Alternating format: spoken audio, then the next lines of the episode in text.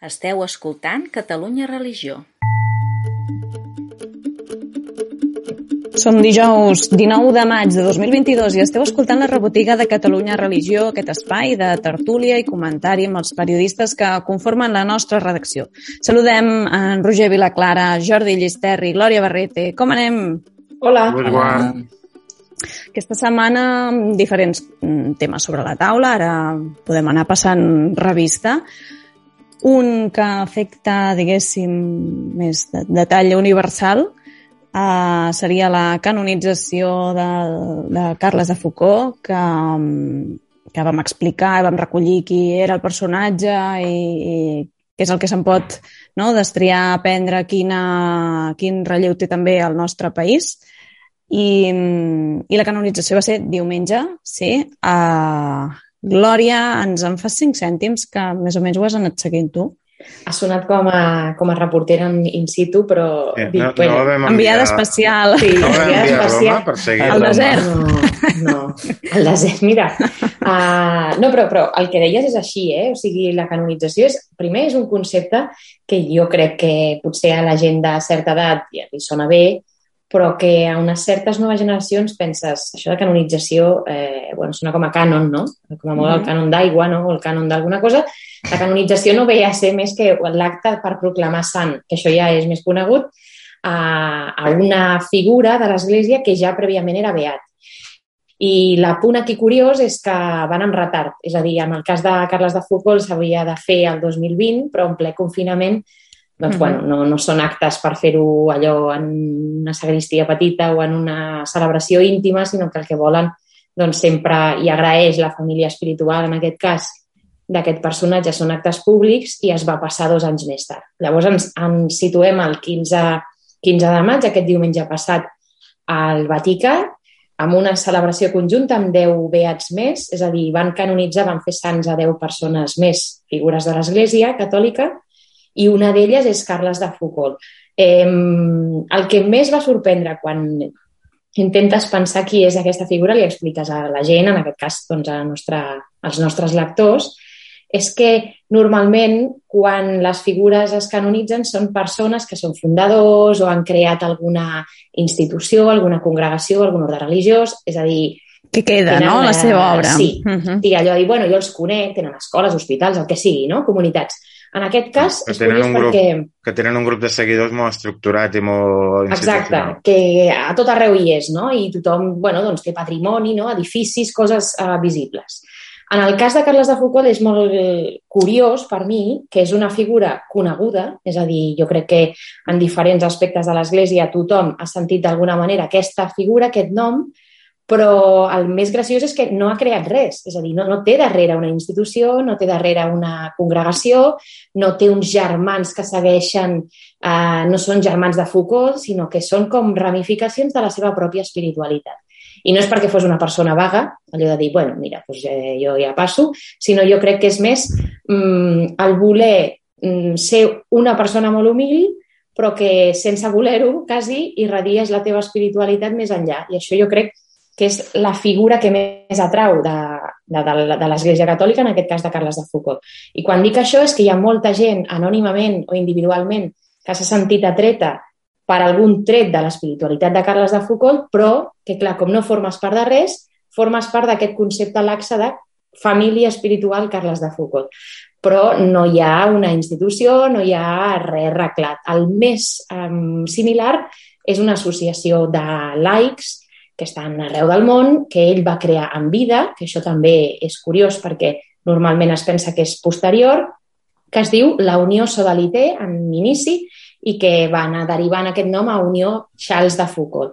Ve a ser com una, com una associació, perquè el nom ja ho indica, de religiosos, sacerdots i laics, però no vol dir que tinguin uns estatuts eh, concrets de seguiment de vida, sinó que cadascú pot ser d'una congregació i pertanya a aquesta associació. Això és curiós.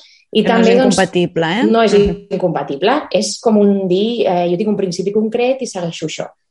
I, bueno, doncs aquí és curiós perquè a Catalunya hi ha molta tirada, no a nivell de persones, sinó d'espiritualitat, de grupuscles, podríem dir, o de grups, o de comunitats, o de això, ramificacions, de persones que si parles i el motiu de la seva vida és un, doncs és el seguiment de l'espiritualitat de Carles de Foucault. És una cosa mm, difícil de comprendre, però que quan algú et diu mira, a mi m'agrada molt aquesta figura de l'Església Catòlica, ho entens perfectament. Podríem dir germanetes de Jesús, germanets de l'Evangeli, però ja us dic que no, que no, és, uh, no són gent que té grans extensions, ni en propietat, ni en persones. O sigui, són coses discretes, però amb certa continuïtat. I, concretament, nosaltres vam parlar amb la comunitat ecumènica Oreb Carles de Foucault, que és doncs això, un grup que es reuneix uh, per pregar i per seguir l'espiritualitat de Carles de Foucault, però no tenen acció concreta, eh? és a dir, no tenen una obra social ni tenen coses així específiques. Jordi. Un, una pregunta. El, el, L'espiritualitat de Charles de Foucault jo crec que va tenir molt de ressò, parlo sobretot de Catalunya, eh? al voltant del Vaticà II, 60, 70, també en aquesta recerca d'un cristianisme més autèntic, més pur, més, més evangèlic. No? Eh, clar, no sé si això ha fet que generacionalment eh, hagi quedat més oblidat avui Charles de Foucault i ells mateixos ho veuen, o precisament la beatificació també pot ser una ocasió perquè recuperi gent d'altres generacions que potser no havia arribat tant. O sigui, en el seu moment es va publicar molta cosa, Charles de Foucault, que, és, que ha sigut una de les grans maneres de difondre el seu pensament a, a Catalunya. I ara potser és un nom que no, que no sona tant. Hmm. De fet, el, el que més eh, remarca la gent que per algun motiu doncs, hem entrevistat d'aquests anys eh, de Catalunya Religió, penso en una germaneta de Jesús concreta, que doncs, tenen seguiment, tenen una fundadora, però que aquesta fundadora alhora doncs, veu d'aquesta espiritualitat, o, o gent com un Pablo Dors que veu de moltes espiritualitats, però té com a principi fonamental doncs, el seguiment de Charles de Foucault, però ell no és germà de Charles de Foucault, no, no existeix tot això, no? Uh -huh. Doncs el que diuen és que no és jo vaig a una comunitat i conec aquesta figura, sinó que m'ha arribat quan sóc jove a la biografia de Charles de Foucault que no va escriure ell, és a dir, li van escriure, li han arribat escrits que posteriorment s'han editat i publicat. Vull dir, te n'adones que és una figura que ell no pretenia, i no pretenia vol dir que es va aïllar perquè era eremita en el desert, amb, amb, amb zero voluntat de ser personatge públic, no?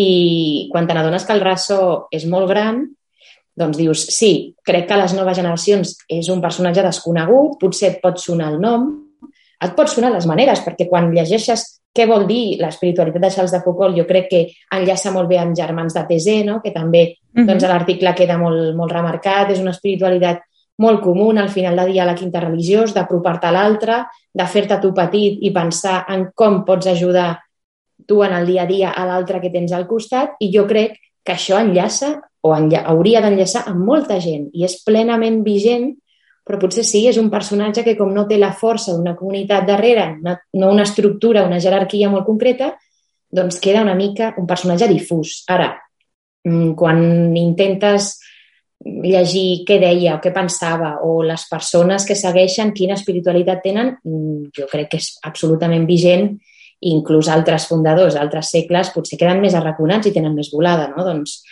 penso que és una figura això, que atrau molt, té unes facetes, eh, bueno, com dèiem, eh, a mi em recorda aquests eh, personatges que tenen moltes facetes, que no pots eh, ficar una etiqueta i en aquest cas, doncs, aquest senyor era un soldat eh, i és un convertit. És a dir, va conèixer l'islam i a través de conèixer l'islam et fas catòlic. És, és curiosíssim. A mi em sembla bueno, prou remarcable, no? I, I això, mm, hem tingut la gran sort de conèixer aquests anys gent que veu d'aquesta espiritualitat i que realment són molt potents sense intentar-ho, eh? I, ah, bueno, acabo mm, remarcant un dels conceptes que penso que s'entendrà molt ràpid de Carles de Foucault i dels seus seguidors amb espiritualitat, que és fixar-se en l'època anònima de, de Jesús, és a dir, els 30 anys que, que té Jesús abans de començar a predicar i ser, diríem, pues, un personatge públic, mm, era un fuster, era un fill de fuster, anava amb la seva vida, es coneix molt poc aquesta vida, doncs ells intenten assimilar-se això, a fer quotidianament poc soroll, però molt testimoni, no? I, de fet, el papa francès a la canonització del diumenge era, evidentment, un exemple dels deu beatificats que es proclamaven sants, però enllaça prou bé amb Carles de Foucault, ell va afirmar que la santedat, que és aquest també concepte una mica curiós, eh, no, no s'ha de buscar amb actes heroics ni, ni amb grans gestes, no? ni en crear coses magnes, sinó en l'amor quotidià, en el pensar cada dia amb el teu entorn què pots fer, i doncs aquesta és la, la veritable santedat, al final, no? diu el, el papa Francesc. Um, jo volia fer un apunt, que és que farà dos o tres anys vam entrevistar a, en Ventura Puigdomènec, que és fill dels hostalets de Balanyà i que um, viu al desert d'Algèria. No? Està, ell es fa càrrec d'unes ermites um, que estan a disposició de la gent. Ell és, uh, forma part no? de la congregació de germans de, de Jesús i, per tant, no? segueix tota aquesta espiritualitat, la seva feina doncs, és mantenir aquests, aquest espai i, i el seu dia a dia, per tant, és mm, molt de, molta exposició a un silenci permanent. No? I la gent, quan arriba allà, que busca l'experiència, potser un impacte de natura, perquè també hi ha no? unes muntanyes i és, és un lloc molt espectacular on ara tothom aniria allà a fer-se selfies, pensava que, com que deia el Jordi això dels llibres, Dic, si en el seu moment es van publicar no, molts llibres per parlar d'aquest senyor després del concili, ara què és el que tocaria fer, no? Si, si algú volgués donar a conèixer... Un documental. Un documental. doncs, doncs un documental, queda aquí la idea, no? Sí. O, sí, Una sèrie a Netflix, ja seria el top 10. Las aventuras de Carlos de Foucault, capítol 1. Clar, després, Però com reflecteixes aquests, aquests espais bueno, de silenci, no? També, no, com... El francès. Què diu? Què? Si el faria en castellà, és veritat, tens raó. O potser en anglès, que arribaria més públic, però s'hauria de pensar això. Doncs ara he perdut el fil, no sé què anava a dir. Bueno, res, no, no, no, no, silenci d'aquest senyor i com la gent, ell deia que arribava allà no? i al final els hi donava les claus de, bueno, claus o no claus, és a dir, mira, aquí tens la teva ermita, mmm, l'experiència és de 40 dies, mmm, ja t'espavilaràs i, i el treball que implica quan no hi ha cap estímul al teu voltant, no? I a més, eh, venint de les societats que venim, no? d'hiperestímul i connexió constant, cada cop només et tens a tu, no? I, i l'entorn o el paisatge o, i, i, no, i el no res, perquè és, vull dir, sorra i muntanya, no hi ha res més, no? Mm, I com és possible l'experiència des d'aquí de trobada o de diàleg amb Déu, no? De reconèixer un mateix, d'anar fent fundària i, i gent que al cap de molt pocs dies diu, mira, us sap greu, però jo això no ho aguanto, no? O, o sí, i, i aquí hi ha tot un, un camí per explorar. Mm. Um, de fet, em, em quedo amb, amb la punt del Josep Lluís Vázquez Borau, que és eh, la persona de referència de la comunitat ecumènica Orèpxals de Foucault, que, amb, amb qui vam parlar a l'article, que ell, eh, quan li pregunta si el desert, és a dir, el concepte eh, de fer desert, no el desert físic, fer silenci, aturar-se i doncs això, eh, el que tu explicaves, no tenir estímuls, és per tothom. I va dir, hauria de ser per tothom, però no tothom està disposat a fer-ho ni ho pot fer, no? Al final és un procés i confrontar-te amb tu mateix mm, doncs implica també acceptar que el que vegis o el que trobis no t'agradi. I no tothom està disposat a fer això, no? I trobar silenci jo crec que en aquesta vida és complicat i jo no, no només pels estímuls, eh, sinó els estímuls mentals que tenim, uh -huh i el soroll mental que cadascú pot tenir dins seu doncs no ajuda, no agrada i no tothom està disposat a fer-ho. Llavors, sí, són figures que atrauen, però s'ha d'estar doncs, disposat a fer-ho. Eh? No dius, mira, ara jo seguiré a Charles de Foucault. No, no, això no funciona així. És a dir, jo crec que és aquesta part de misteri on l'esperit doncs, actua o no actua, però t'hi has de deixar portar. Llavors, eh, és per això que aquesta gent no té un principi, no diuen, mira, no és com una meditació, pas 1, pas 2, pas 3, no. Eh, la primera és predisposar-te a fer silenci, després, que ho facis o no. Jordi. No, un, un apunt col·lateral que em crida l'atenció d'aquesta aquest, canonització, que quan estem parlant d'un personatge de finals del XIX que es beatifica a principis del XXI del segle XXI, bueno, principis ja estem a l'any 22, vull dir, principis ja han avançats, eh? Per tant, que passen llargament 100 anys eh, des de la seva mort fins a la, fins a la seva fins a la seva canonització. Ho dic perquè contrasta amb el que hem viscut més, darrere, més darrerament, i ho hem vist tots en primera persona, de personatges que hem conegut en vida i que al cap de 10 anys doncs, ja són beatificats, canonitzats i se dediquen a esglésies i, i tot això. No?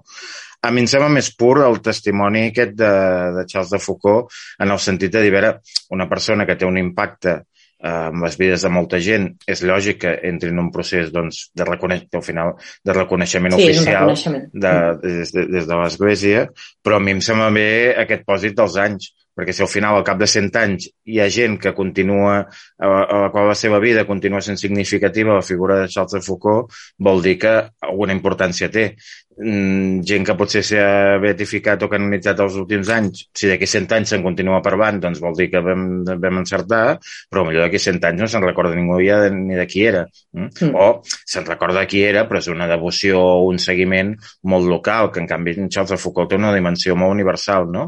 Mm, jo crec que, que, que és un bon exemple de, de, de com s'haurien de una mica de dosificar el tema de les canonitzacions i les beatificacions, que està molt bé la idea de fons de fer-ne tantes, que, com s'ha fet els darrers anys, de la idea de que tots mm, al final podem tenir models de santedat, cosa que està molt bé i que tots mm, podem tenir, buscar models més propers a la nostra vida i no sants de l'època medieval o de, o de les primeres comunitats cristianes que potser tenen fins i tot un to més legendari, però, però clar, mmm, potser cal esperar que reposin una mica les coses per, fer, per, eh, per beatificar i canonitzar la gent. Sí, hi ha un punt aquí que- com, com de mercantilitzar les canonitzacions. Arriba un punt que dius, ah, mira, Mm. quines toquen aquest any, no? Sí, No, sempre no, una mica aquesta que ara idea. també per, en el cas més concret del, del món eclesiàstic, quan ens trobarem el dia que falti Benet XVI, eh, clar, si no el beatifiquem, sembla que sigui més dolents que els últims 4 o 5 papes, Clar, que tots han estat beatificats. Sí. Bueno, clar, eh, què vol dir? Que tots els que han sigut papes els haurem d'anar beatificant? Mm, doncs Potser no, no sé. no. Mm. Però clar, llavors, si, si ho comences a fer amb tots, el que no fas, sembla que pobre... Sí, sembla que et remarqui com una Sí, és un persona no a seguir. Sí, Mm. sí. I en canvi, doncs, escolta, que al cap d'un segle un papa es vegi que va marcar molt determinadament una època, o que va ser un testimoni de fe molt singular, o que va saber eh, afrontar des de l'Església una situació molt complexa i ho va fer bé, bueno, doncs que al cap de 100 anys se'l beatifiqui em sembla molt correcte, però aquest, aquest judici més, més, més a curt termini a mi em sembla molt perillós, perquè després també un dia ens trobarem amb sants que vam dir, bueno, potser en aquell moment no s'ho van acabar de mirar bé, i, potser, i, i, i aquí ja no hi ha marxa enrere, no? Sí. Llavors, És haurem, igual que hi ha les novetats matrimonials, haurem de fer les novetats de canonitzacions. Mm, doncs, no, no, em, sembla, de em sembla perillós. A veure, que tenim en Roger molt silenciós. Uh, Roger... Potser estava fent, estava fent desert. Estaves fent desert ara. Estaves aquí. No, no, no, no estava fent... Potser era el que no estava fent, era el que feia la cosa més intel·ligent de tots els que estem aquí. No estava No va. dir tantes tonteries. Sí. Exacte, no dir tonteries. Uh, Roger, va, què és el que s'ha llegit més aquesta setmana al nostre portal? Vale, som-hi, vinga, amb els més llegits de- d'aquesta setmana. En primer lloc, aquí tenim l'article en què explicàvem que la comunitat de Sant Benet de Montserrat ha celebrat 70 anys de la seva fundació. En segon lloc, hi teníem aquest article sobre la, la canonització de Foucault. En tercer lloc, hi teníem una crònica sobre la celebració del retorn de la relíquia del braç de Santa Tecla a Constantí. En quart lloc, hi teníem l'article sobre la presentació de la memòria anual de la Fundació Migra Studium i en cinquè lloc hi tenim un article sobre les hospitalitats i el retorn de, de la seva activitat eh, aquest any, de la seva peregrinació a, a, a Fàtima aquest any. Això serien els, els articles més llegits d'aquesta setmana. Mm. Molt bé.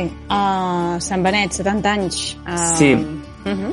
Aquest, aquest a més, és un article que, que, que, bueno, que és interessant també comentar-ho, que al final ràpidament es va posicionar en el, en el més llegit i fins i tot també ara mateix és un dels més llegits del mes, vull dir que també és interessant destacar-ho i al final és que, que la comunitat de Sant Benet de Montserrat doncs, va celebrar els 70 anys de, de la fundació uh, aquest cap de setmana, si no m'equivoco, ara perdoneu, aquest divendres, perdó, al monestir de Santa Cecília. Ho va fer doncs, en una eucaristia en què també hi va haver-hi doncs, l'abat del monestir de Santa Maria de Montserrat, Manel Gasc, també va haver-hi l'abat de Poblet, Octavi Vilà i el prior del monestir de Solius, Josep Penyarroia, i, i això, i, i també doncs, després van fer com una trobada amb un dinar amb tots Més els monjos de... festiva. Sí, més festiva, amb tots els monjos de Montserrat, i, i això és, bueno, és, és curiós. Curiós, que... eh? És sí. curiós. Un article que tampoc no hem fet nosaltres, no? Te n'adones de... Perdó, Bueno, que està bé, dels més tampoc- llegits. Em perdó, però és que tampoc diu res. És a dir, diu el que van fer i ja està. Bueno, te n'adones de l'atracció de les fotos foto. també. Exacte. No, perquè sí. moltes vegades hem parlat de la vida del, del, de la comunitat de Sant Benet i del que fan i, i hem entrevistat, evidentment, l'abadesa en el seu moment o altres religioses, però mm, el que aquest article específicament és la gent que, que havia interessat és senzillament per, per, diguem, per proximitat o per devoció a la, sí, sí. a la comunitat de Sant Benet és una sí. mica la, la, es, no? es, es deixa veure la capacitat d'influència que tenen aquestes dones, que aparentment no estan allà no? que, que bueno, s'hi pot acudir, però fan una però no són tan visibles com els monjos, exacte. I, i al final hi ha molta gent que se les estima i mm. jo crec que això que explica és que estan fent molt de bé a molta gent, no? També el poder-hi acudir, aquesta constància, presència, no? I bueno, la vida monàstica que té aquest punt no? de, de, d'acollida permanent, no? I jo crec que això també és significatiu quan, quan es parla de, de Montserrat i té aquesta repercussió. Hi ha una part d'això. Roger, yes. perdona que t'he tallat. No, bueno, no, o sigui, pensava això, eh, que també és significatiu de que, bueno, de que hi ha com, bueno, no sé, dona la sensació de que, que la gent se les aprecia. I, i també volia dir que en l'article és cert que potser no es donen molts detalls de, del que va passar a la celebració, realment no hi ha masses detalls, però sí que és cert que, que s'explica com, com es va fundar la, la comunitat, llavors és interessant i també des d'aquí, doncs, si algú té curiositat per saber-ho, doncs encara pot clicar l'article i, i encara I el pujarem al primer del mes. I el pujarem al primer del mes, exacte. Però que, bueno, que també és una part interessant, diguéssim. Molt bé, un, un monestir, una història mm, curta, no? També, vull dir, mm -hmm. de, de finals dels 50, principis dels 50, ho dic bé això, ho estic calculant bé, no? Sí, són aquests 70 anys. Doncs esperem el 75, que llavors uh, facin una festa ben grossa. Sí, ja perquè si el 70 ja passa això, el 75... I Clar, bueno, aquí fer... és, és un preàmbul, és un preàmbul i, i esperem la festa. Molt bé. Mm, més coses, dèiem, el tema de les hospitalitats de Lourdes, que després de la pandèmia no, tornen, com tantes altres coses que han quedat aturades i que es volen, es volen recuperar, ara han anat rebent no? convocatòries, sobre inscripcions d'aquí i d'allà i aviat tindrem una foto dels autocars, no? I, i, i davant de la Mare de Déu.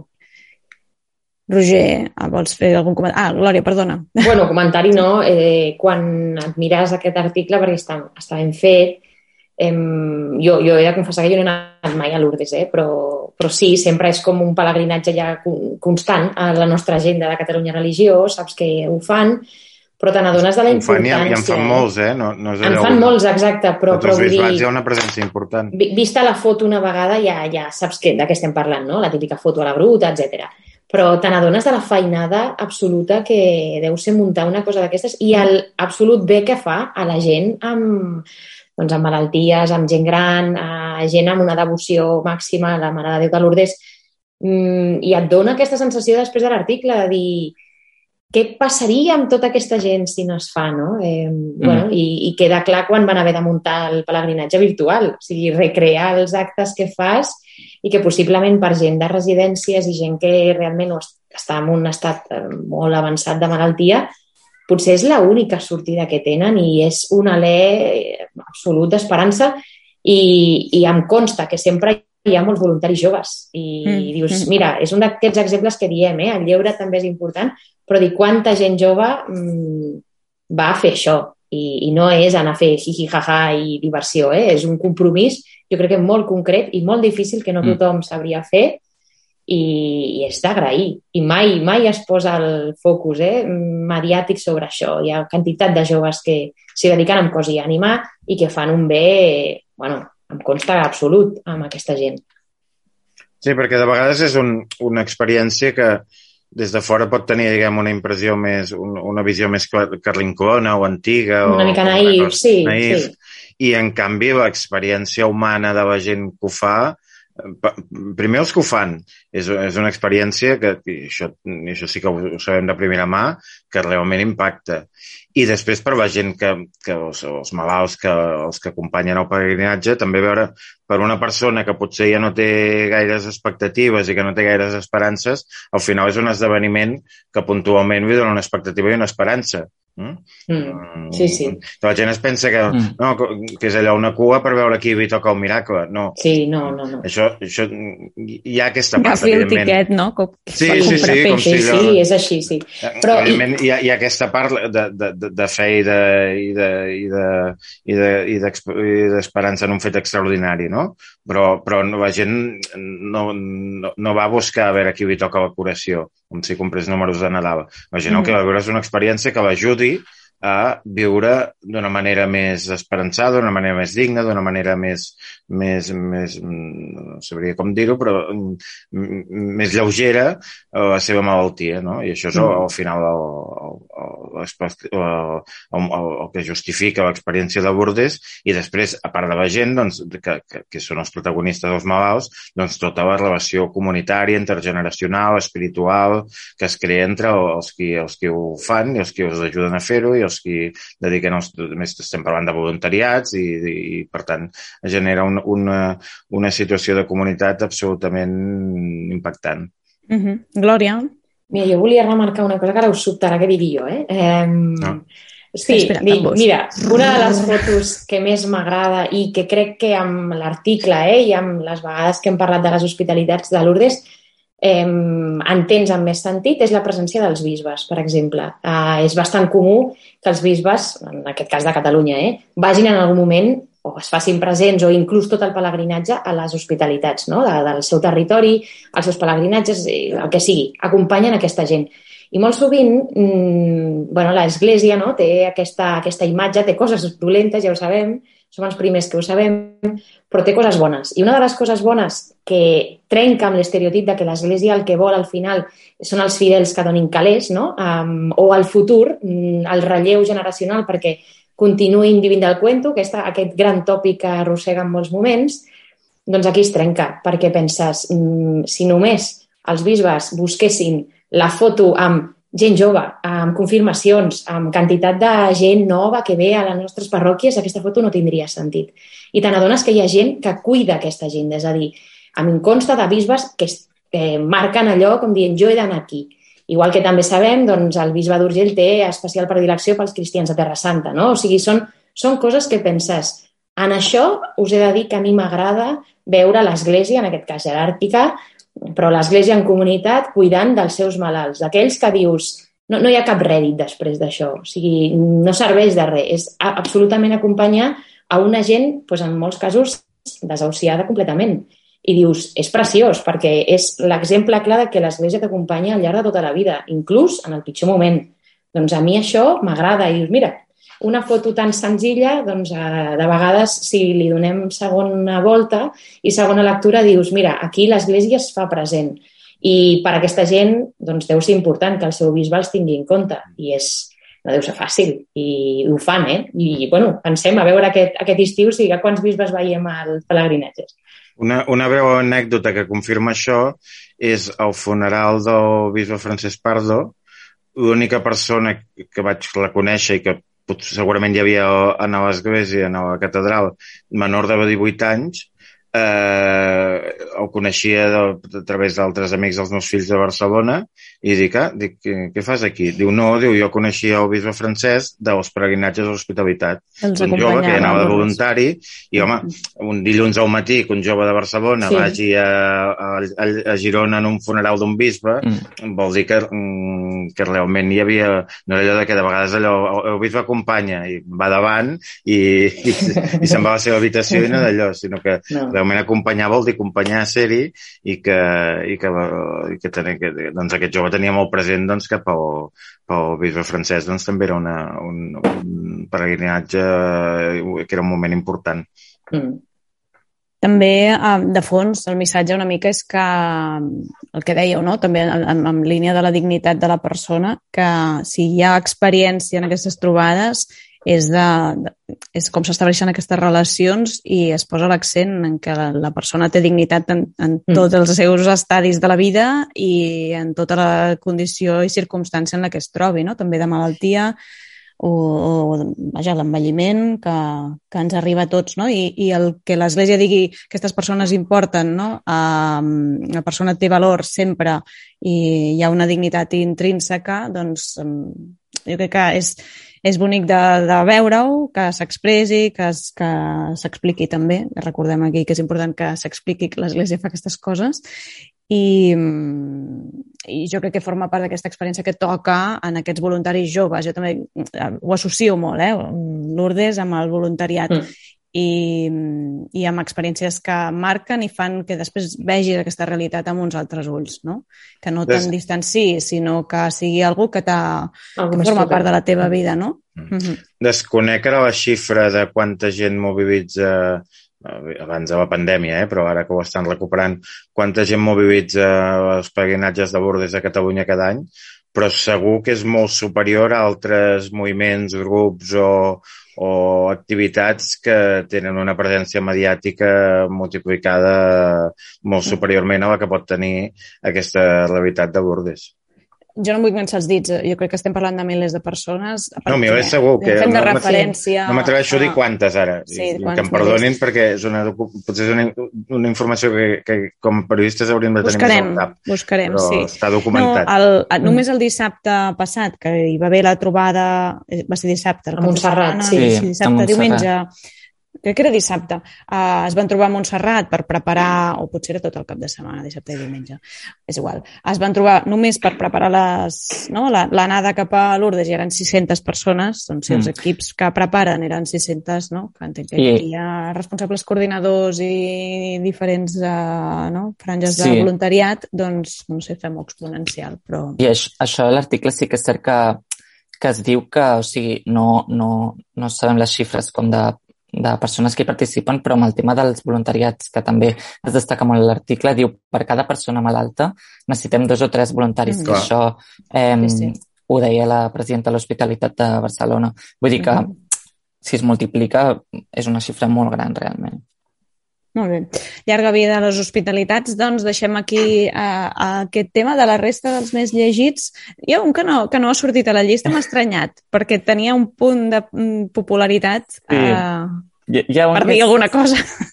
Hi ha un que jo crec que és interessant. Tenim la Glòria ballant. Glòria, quina, aquesta coreografia a què es deu? Va. Bueno, jo, jo fan d'Eurovisió mai, la veritat, però bueno, això que mires a les xarxes i jo he sucumbit a veure el vídeo, el vídeo de la veïna d'Olesa de Montserrat eh, de la Chanel, no? Eh, Déu-n'hi-do el vídeo, no? No comentarem la coreografia, jo crec que és una coreografia que em fa mal i tot. Escolta, Olesa. Olesa de Montserrat, és veritat, sí. Clar. Ah, dic, tot això és la devoció a Montserrat. I no te l'has sí. trobat pel carrer?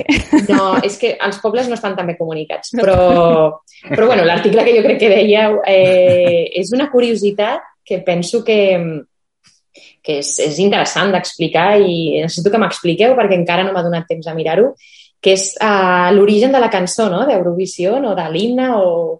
Dic, a veure, què, què fa això en el nostre portal de Catalunya Religió? A veure, el més jove de la redacció, que parli. a veure, ho, ho intento explicar i ho, ho intento explicar ràpid, eh? però una mica per Perquè Euro, Eurovisió no és el teu fort. No, ho he seguit, eh, de dir, he de confessar que ho he seguit una mica, només una mica. Eh, doncs bé, això, publicàvem un article sobre l'origen sorprenent de la sintonia Eurovisió, que potser algú doncs, pensava, ostres, què té a veure això amb el nostre portal? I és que doncs, ens vam adonar que l'origen de la sintonia Eurovisió era, tenia un origen sacre, tenia un origen religiós i, i això, no? Llavors, doncs, ho, ho, vam, ho vam voler explicar. Al final, l'obra original és un Te Deum, que vol dir a tu Déu, i, i és un tipus d'himne cristià tradicional que, que es fa en moments de celebració. I bé, tot això doncs, va anar derivant i al final eh, doncs, Eurovisió no ho va agafar com a, com a sintonia, però, però destacar que l'origen de, de la sintonia doncs, és d'origen sacre. I per això ho vam explicar. Molt bé. que estem parlant de l'himne de la Unió de Radiodifusió, no de la cançó de la Chanel. Exacte, sí. Sí, sí, sí. sí, sí, sí, sí, sí, sí, la que se sent cada any, la, la permanent. Va de cada any, va de sempre, va de, va de connectem amb Europa. Correcte. No, per aquí no, la cosa. Per, per aquí va, per aquí, aquí Jordi, això eh, a l'hora de l'edició ho tapes amb, amb el tall. No, no, això queda, queda gravat. um, sí, una cançó, de, per tant, diguéssim, escrita amb motiu d'una... d'una de, de, de, que es va vèncer el triomf en una batalla mm -hmm. al segle XVII. Exacte. Segle XVII. Que l'altre dia sentia a la ràdio que l'original... Fer un T10 per vèncer una batalla. Que, que l'original era molt més animada que la que ha quedat, que és com té un pes i una solemnitat, no? que deien que el, el tempo era el mateix que l'original, però el ritme havia canviat. bueno, que s'ha tornat com una mica més avorrida, fins i tot. I malgrat bueno, tot... Fins aquí el uh... comentari musical de la nostra directora. ja no tinc més, la directora no tinc musical. més coneixements. Ja aquí ho he abocat tot. Deixem-ho pels experts.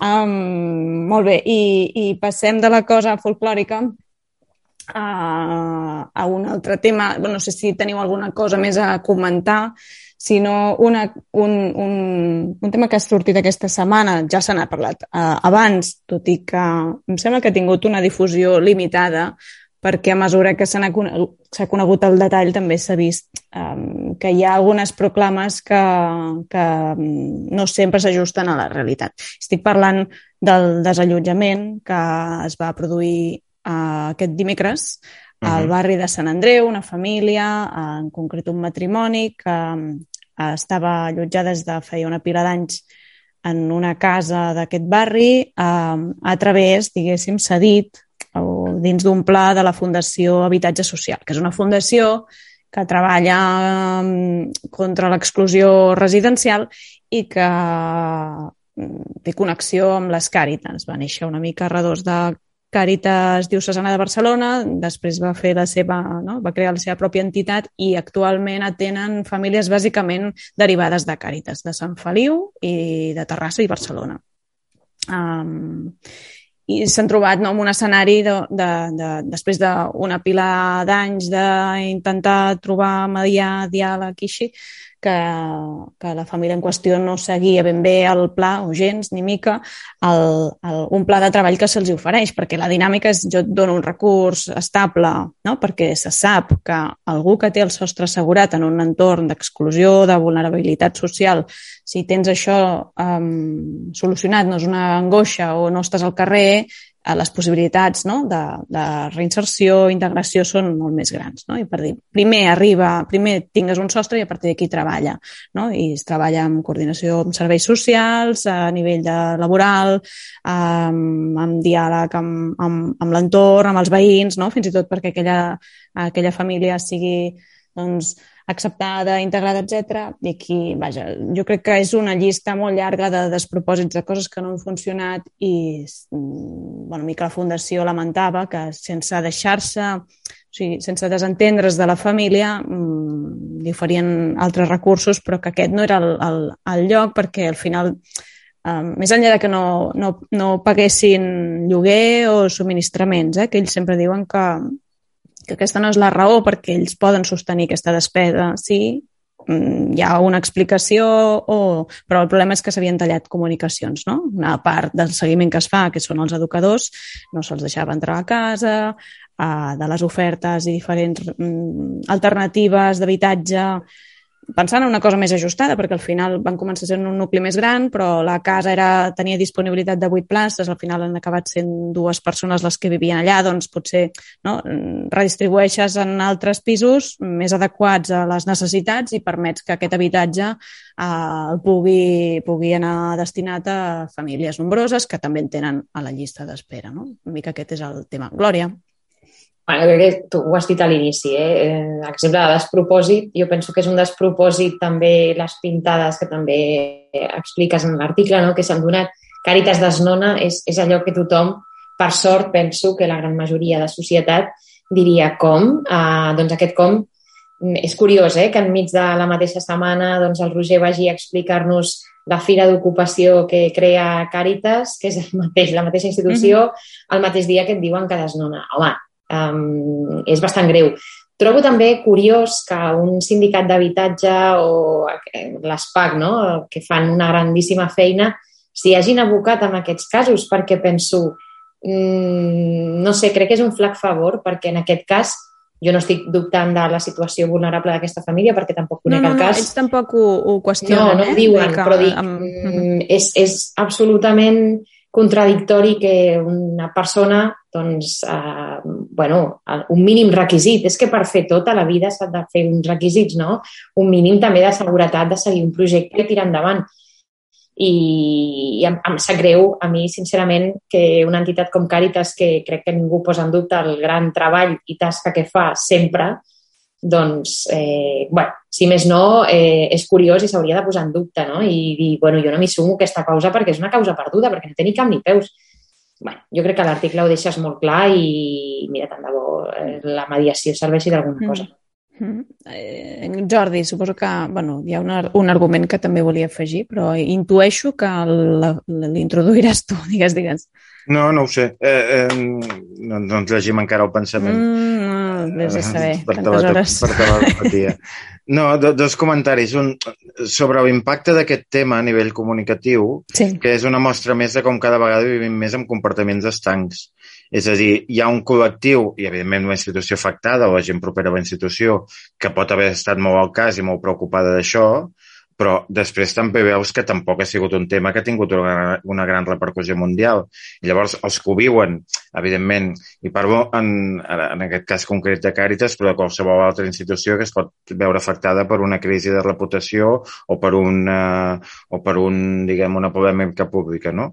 Que quan, o mateix mirant, no sé, el, el perfil de Twitter eh, o hashtag sobre aquest tema, no? Bueno, veus que al final són els mateixos que es van retroalimentant, però no és que hi hagi allò 200 200.000 persones seguint-ho.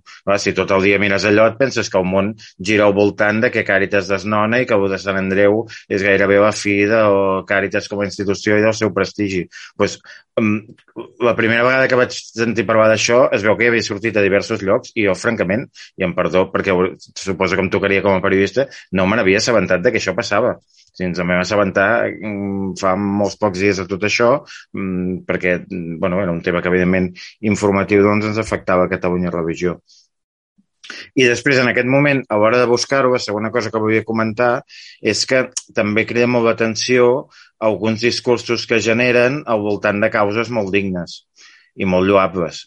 I parlo concretament el, el sindicat de llogateres, aquesta funció doncs, Clar, de defensar sí, els drets dels sí, llogaters sí, sí. i de, o tot el que és les plataformes de moviments contra els desnonaments i tot això, és molt lloable, però clar, quan entres a la seva web, que no, crec que al final en l'article no, no ho vas incorporar, però és que jo convido la gent a buscar-ho per internet i mirar-ho. És a dir, quan entres a la web del sindicat de llogaters i t'expliquen aquest cas i la seva visió, que com tots els casos doncs, tothom pot tenir unes parts de raó, no, no, mm -hmm. no, no ha de tenir una institució la veritat absoluta, però mm, tot es pot discutir, però clar, darrere el fet hi posen una càrrega ideològica i, i, i històrica i no sé què, que dius, bueno, escolta, estem parlant de si aquestes persones eh, eh, han de viure aquí o se'ls ha de donar un recurs o tal, o estem parlant de carregar-se tot un corrent de pensament i tot un corrent social com per representar l'Església a través d'una acció molt concreta i puntual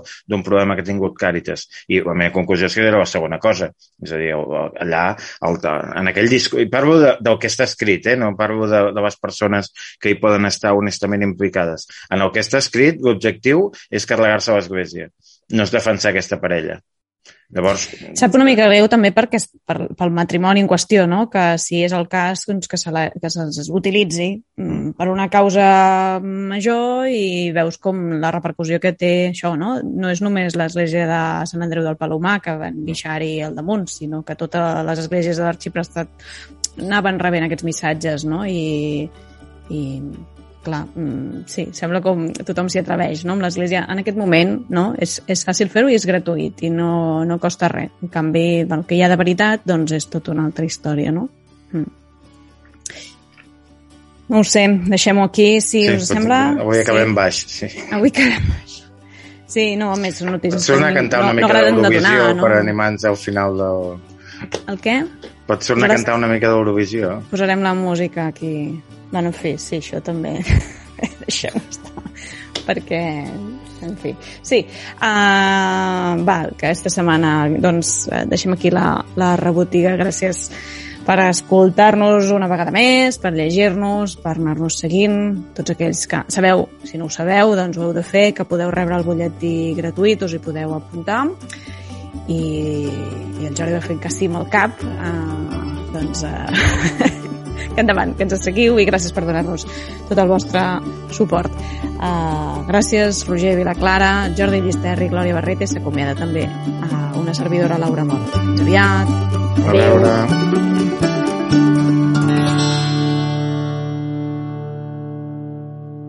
Catalunya Religió. Ara posaré la música d'Eurovisió. Mm. Que a més sona raro, eh?